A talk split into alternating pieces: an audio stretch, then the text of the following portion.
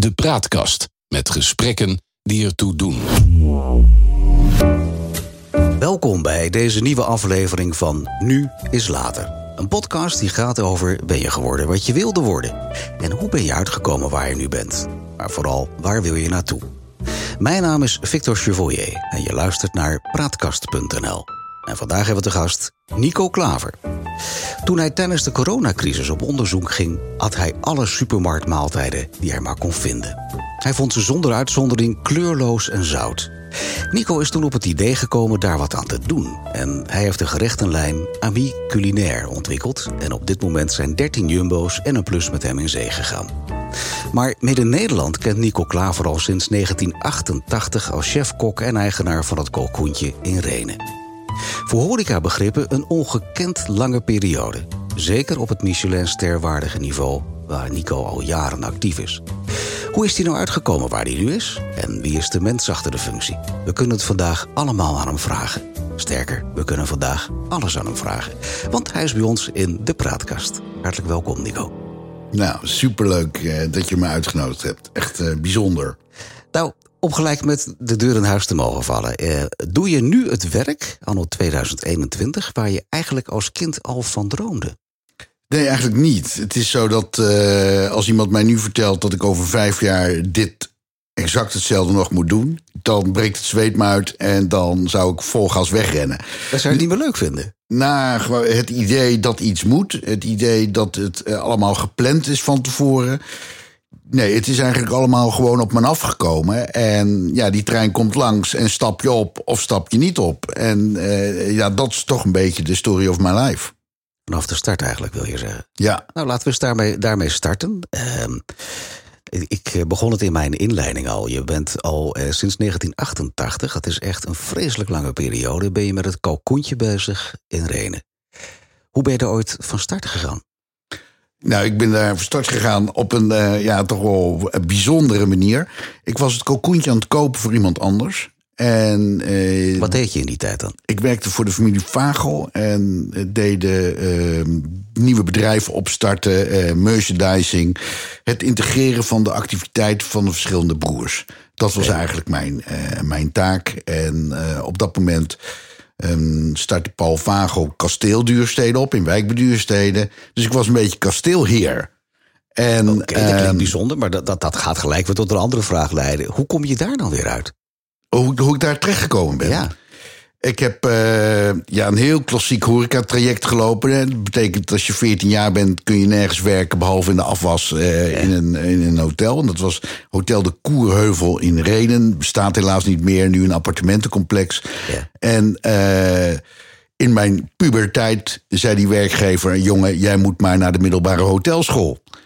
Nou, zo gezegd, zo gedaan. Maar vond, en, maar vond je dat zelf ook? Was je wel het type die echt in de horeca thuis hoort? Nou ja, het was de manier waar ik eigenlijk op dat moment het meeste verdiende ten opzichte van mijn vriendjes en dergelijke. En uh, het ging me ook wel goed af. En ik, ik, ik, kreeg veel kansen en verantwoordelijkheden. Zeker voor iemand van 14, 15, 16, 17 jaar. Ja. En dus toen ik op mijn zeventiende naar de middelbare hotelschool ging, uh, was echt wel heel bijzonder. Mm -hmm. Het was vakschool Wageningen. Dat was de of is de eerste middelbare hotelschool in Nederland. Ja. En toen de tijd was het ook heel bijzonder. Kijk, nu heeft iedere, ieder ROC, ieder zichzelf respecterende redelijke stad... heeft een soort middelbare hotelschoolopleiding.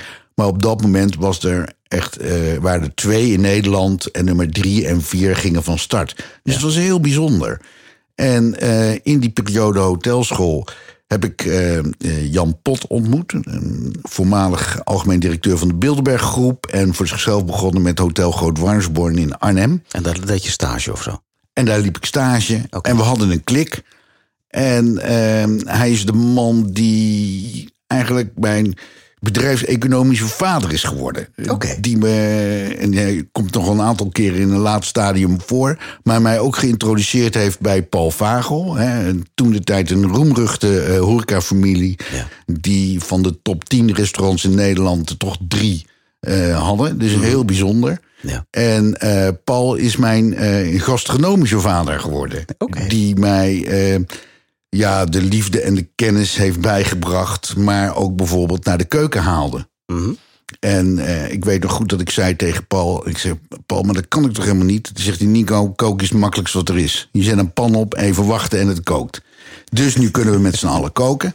En dan gaat het erom, ben je intelligent? Wil je je verdiepen in de materie? Ja. Zodat je jezelf iedere keer kunt verbeteren. Mhm. En dat is ook voor mijn gevoel eigenlijk het geheim De van kern. eh, en de kern en de, en de filosofie achter, achter koken. Oké. Weten wat er gebeurt in het celletje, weten eh, hoe een beest leeft, zodat je ook bereidingen en dergelijke, dergelijke kan aanpassen op eh, dat dier. Je moet snappen wat je aan het doen bent. Juist. Ja.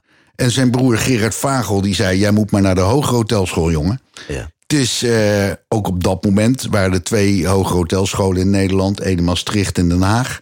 Ehm, ze namen ieder, geloof ik, 72 studenten aan per semester en ze hadden 1700 aanmeldingen. Dus gelukkig eh, en geluk gehad en eh, werd ik daar aangenomen. En op het moment dat je de hogere hotelschool gaat doen, zeker in die tijd, is toch de ultieme droom general manager worden van een vijf sterren plus hotel ergens in de wereld. Oké. En dat had jij ook. Tuurlijk had ik dat. Dus wij, eh, dus internationaal geweest, een aantal landen gewerkt. En ik kwam erachter dat ik geen echte globetrotter was.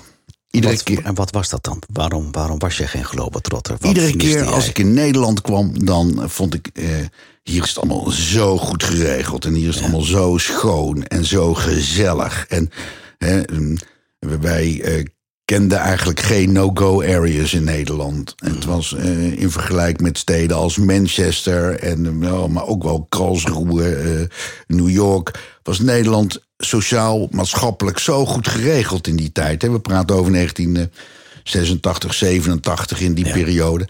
Dat. eh, ja, voor mij was het eh, eigenlijk geen optie om eh, langer dan, ik was drie jaar onderweg, om dat te blijven doen. Oké. En ik eh, had een aanbieding van de familie Vagel om ja, binnen hun bedrijven eh, te proberen wat samenhang te creëren. En wat nieuwe dingen op te starten. Nou, zo gezegd, zo gedaan. En ik was daarmee bezig. En het ging hartstikke goed. Maar dan kriebelt het toch. En er was iemand die vroeg mij. Het kokoentje was gesloten, was failliet. Een soort Noorderzon-verhaal geweest. En was dicht. Maar het was wel in die tijd ook al een restaurant. Ja, ja, de cocoon is eigenlijk sinds, en dat zul je me vaak horen zeggen, ik heb het altijd over de cocoon. Ja. En eh, de cocoon is eigenlijk sinds de jaren 50 al restaurant. Oh, dat is heel lang. En ehm, ehm, toen zag natuurlijk de restaurantlandkaart er totaal anders uit dan nu. Ja. En het, in het kokoentje eh, woonde de familie van Moorsel. Mhm. Meneer van Moorsel was pottenbakker. En nu zouden we dat keramisch kunstenaar noemen. en die had in onze pottenbakker? Ja, die had in onze tabakschuur had hij een pottenbakkerij. En hij is restaurant begonnen ehm, eh, voor gasten die hij leuk vond op momenten dat hij eh, zelf wilde. Nou, dat, dat creëerde bijzondere eh, momenten. Van ehm, dat hij rustig tegen gasten zei: van U was hier vorige week ook, hè? Nou, maar even niet. Of eh, u mag wel komen, maar moet u dit eten en dat drinken. En anders heb ik liever dat u gaat. Of hij zei van: Ik ben nu al drie weken zo druk geweest. Nu maar even een paar weken niks. Bijzonder mens. En ehm, Maar had hij wel de kwaliteit waarmee hij dat kon doen dan? Ja, maar ook dat was heel anders op dat moment. hè. Mevrouw van Moorsel stond in, in, in de keuken en die was eh, wereldberoemd in de wijde regio voor haar fameuze kalkoendijtjes en dergelijke. Ja. En het was een soort huiskamerrestaurant. En ja, zoiets als dat bestaat ook niet meer en kan ook niet meer natuurlijk Deze op dit, tijd niet, op, op dit nee. moment. En, eh, Maar ze konden er in die tijd wel van rondkomen, blijkbaar. ja, die, die, ja, maar mensen waren ook tevreden met, met minder. Oké. En hij had natuurlijk zijn pottenbakkerij. Die al gewoon vol continu draaide. En eh, ze hadden een restaurant eigenlijk in hun eigen huiskamer. Waarbij mevrouw kookte en meneer gastheer was. En ze eh, kinderen hadden die een beetje hielpen in de bediening. En, eh, dus dat ging eigenlijk allemaal wel oké. Mhm. Meneer Van Moorsel overleed in 1982. En in zijn eh, testament stond dat het kokoentje alleen verkocht mocht worden aan iemand die restaurant tussen aanhalingstekens op niveau ging bedrijven. Heel veel mensen hebben het kokoentje toen willen kopen, omdat het natuurlijk een supermooi pandje is, wat waanzinnig ligt aan de Rijn. Ja. Maar dat eh, ging niet gebeuren. En eh, degene die het kocht was Jan Pot. Dus de man van Groot Warnsborn. En die, eh, eh, die haalde mij erbij. En het draaide en het ging hartstikke goed. Ja. En toen eh, ging hij het verpachten. Want ik zat nog op school in die tijd. Toen ging hij het verpachten. En ik was inmiddels, waren we beland in 1988. En toen had hij een Noorderzonverhaal en hij wilde er gewoon vanaf. Ja. Dus ik was het aan het kopen voor iemand anders. En die zei op het laatste moment, op vrijdagmorgen zei hij van... nou, ik ga het toch niet doen. Eh, het is te klein om als filiaalbedrijf eh, te functioneren. Dus ik reed vrijdagmorgen naar Jan Pot toe en ik zei van nou, het gaat niet door. En op het moment dat ik weer terug naar huis reed, dacht ik, ja, maar waarom doe ik het niet zelf? Ik was op dat moment 26 en ik had een prima baan, een heel goed salaris, maar eigenlijk het enige wat kriebelde was ondernemerschap. Dus toen heb ik eh, Paul Vagel gebeld en gevraagd of hij het goed vond. Hè, want hij had een uh, sterrenrestaurant in Wijk bij Duurstede vlakbij. En dan was het wel zo netjes als je even vraagt of hij dat oké vindt. Ja. Met mijn vriendinnetje gebeld. En die vond het alleen maar prachtig. Want die denkt, dan blijft hij in ieder geval in Nederland. En, Wat in die eh, tijd nog niet zo vanzelfsprekendheid was. Zeker, zeker, zeker. Ja. En op eh, eh, vrijdagmiddag teruggereden, gezegd dat ik het zelf deed. Maandag getekend. En dinsdag draaiden we. Maar hoe heb je die financiering in die tijd rondgekregen dan? Ja, dat was nog een heel verhaal apart. Ja, want- dat hoeft niet nu hoor, maar dat Nee. was echt even zo kon je dat regelen, zeg maar. Nou, dat ging niet even zo, want Oh. ik was natuurlijk al operationeel. Maar ik dacht, ja, weet je wel, als Nico Klaver bij die bank komt... dan zeggen ze, maar meneer Klaver, hoeveel geld wilt u hebben? Nou, dat viel een beetje tegen. Nou, dat deze is niet. En, en toen zijn er voormalig werkgevers geweest. En ehm, die hebben gezegd van... De een heeft het pand gekocht. Want ik had met mijn... eh, met mijn, eh, ja, met mijn overmoed, jeugdige overmoed kun je wel zeggen, had ik het pand. Ik had alles in één keer gekocht, maar ik had natuurlijk helemaal geen geld. Ja. Dus er is een oud werkgever die heeft het pand gekocht. En ik betaalde aan huur zijn rente en aflossing. Dus een heel schappelijke huur. Ja. En dat heb ik na drie jaar heb ik het pand gekocht. En een ander die financierde de inventaris. En weer zelfs het kasgeld werd gefinancierd. Dus het hing van alles aan elkaar. Heb je daar geen sla- slapeloze dachten van gehad in die tijd? Nee, nee, nee, nee, nee. Dat is misschien wel het voordeel. Hè? Kennis beperkt. Op het moment dat je 26 bent en denkt van... schelen van een kale kip valt niet te plukken. Eh, Nou, we gaan gewoon... In jouw geval. Hè, ja, ja, we gaan gewoon vol gas. Nou, zo gezegd, zo gedaan. Ja. Dus dat is. eh, en mijn idee was: van nou, dan start ik die cocoon op. En dat was oktober 88. En dan in mei 89 draait dat allemaal lekker. En dan zet ik er een bedrijfsleider in en ben ik verder naar het volgende project. Nou ja, Ja. dat was iets te overmoedig. Dat werkte niet zo. Want nee, want ja, zo'n zaak die je eigenlijk vanuit de negatieve sfeer, hè, vanuit zo'n faillissement weer moet opstarten, dat vergt zo ontzettend veel. Ja. Dus dat heeft er alles met elkaar eh, voor gezorgd dat de cocoon uiteindelijk de rode draad geworden is in mijn leven tot nu toe. En er zijn eh, veel restaurants gekomen en ook weer gegaan. Alleen de cocoon is eigenlijk altijd gebleven. Nou ja, dat is natuurlijk wel gelijk de vraag die naar boven komt. Wat, wat heb jij nou dat je het kalkoentje zo kunt runnen... dat het al zo lang succesvol op dit niveau is? Ja, wat heb ik nou? Weet je waar het om gaat, denk ik? Als je het leuk vindt om jezelf iedere keer te vernieuwen, opnieuw uit te vinden, dan blijft het natuurlijk ook hartstikke spannend. Maar wat voor competenties heb je daarvoor nodig? Wat is... Wat, wat... Ik denk dat het iets, iets is van binnenuit, van eh, jezelf willen blijven vernieuwen. eh, Op zoek eh, blijven gaan naar goed, beter, best, goed, beter, best. En nog een keer goed, beter, best. En dat blijft er altijd in zitten. En dat gaat niet weg. Ik zal, zal je zeggen dat ik iedere avond bijvoorbeeld, tussen half zes en zes, ben ik nog steeds als een zenuwachtig ventje loop ik dan rond. Sterker nog, dat ze in de keuken zeggen van kun je niet even aan de voorkant gaan helpen. Ja. En eh, we hebben dan ook al 26 keer eh, de koelkastjes gecheckt en gevraagd van laat eens even zien, laat eens even proeven, laat eens even voelen. En dat is iets, ja, ik denk dat dat het vergelijkbaar is misschien met theater, Ja, daar zit topsport. ik ook aan te denken. Dat je echt, voordat je het podium op moet, hoor je echte artiesten nog steeds zeggen: Man, ik sta te kotsen. Dat Ja, nou, eigenlijk op jouw niveau ja, ook. Ja, ja dat, dat, dat, dat, dat, zover gaat het dan ook weer niet. Maar de zenuwen wel. zou dat ook wat minder Nee, zijn. nee, nee, de zenuwen wel. En eh, op het moment dat dan op een gegeven moment iedereen zit en alles loopt, dan gaat dat weg en dan ga je in de. Dan is die ontspanning er ook Ja, voor je. ja, ja, en dat kan maar je zegt eigenlijk elke dag zit daar nog een onzekerheid of je, of je het wel goed doet. Mag ik het zo zeggen? Ja, goed doet, goed doet. Kijk, weet je wat het, het spannende is van restaurantjes spelen in zijn algemeenheid? Ja. Is dat wij om zes uur niet weten wat er om kwart over zes gebeurt. Mhm. En dat, dat moet je eigenlijk lekker vinden. Ja. Dat is een soort, ja, ik wil niet zeggen dat het masochisme is, maar het is een soort pijntje. wel. Ja. Een pijntje. En eh, heel veel mensen hebben zoiets van, die willen heel graag weten wat er, eh, hoe een dag er morgen uitziet. Of hoe een dag er over een maand uitziet. En hoe de planning is. En, terwijl wij, à la katjongens noem ik het wel eens. Wij hebben zoiets van, eh, juist een lekker gevoel. Ik wil helemaal niet weten wat er om half acht gebeurt om zes uur. Nee, dat merk je dan. Eh, de- ja, want we moeten juist iedere keer anticiperen op de situatie. Anticiperen op wat een gast wil. Anticiperen op alles om ons heen. Ja. En dat, dat houdt het ook heel spannend. En dat houdt je ook heel scherp.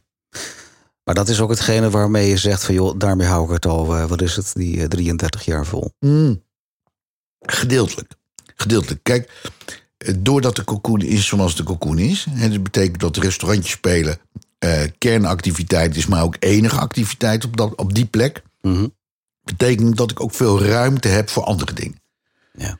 En, ehm, en doordat je je ook bezig kunt houden met andere dingen, Mhm. en blijft, het, blijft die cocoon gewoon steeds zo spannend. Ja.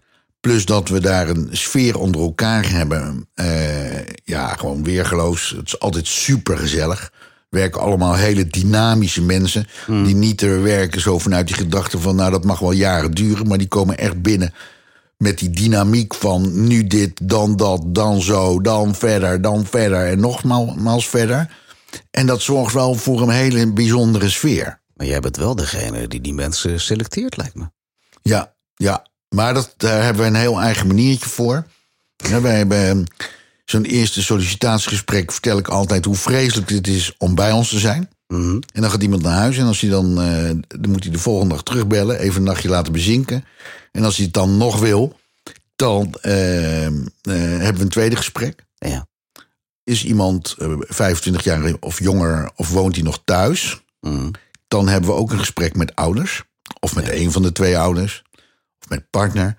Omdat restaurantjes spelen en werken zoals wij doen... is ook wel echt wel een way of life. Mhm. En op het moment dat je eh, 21 jaar bent en nog thuis woont... en je bent eh, s'avonds helemaal los en je stapt 's morgens uit je bed... en je bent nog niet al te fit... of je dan een moeder hebt die zegt van... ja, maar jij bent ook hartstikke idioot dat je dat doet... Of dat je moeder hebt en die zegt van... oh, en hoe was het gisteren? En, eh, en je verhalen aanluistert. En je hebt die motivatie, stimulatie ook van thuis nodig. Ja. En of iemand nu 20 is of 30 is, of maakt verder niet zoveel uit.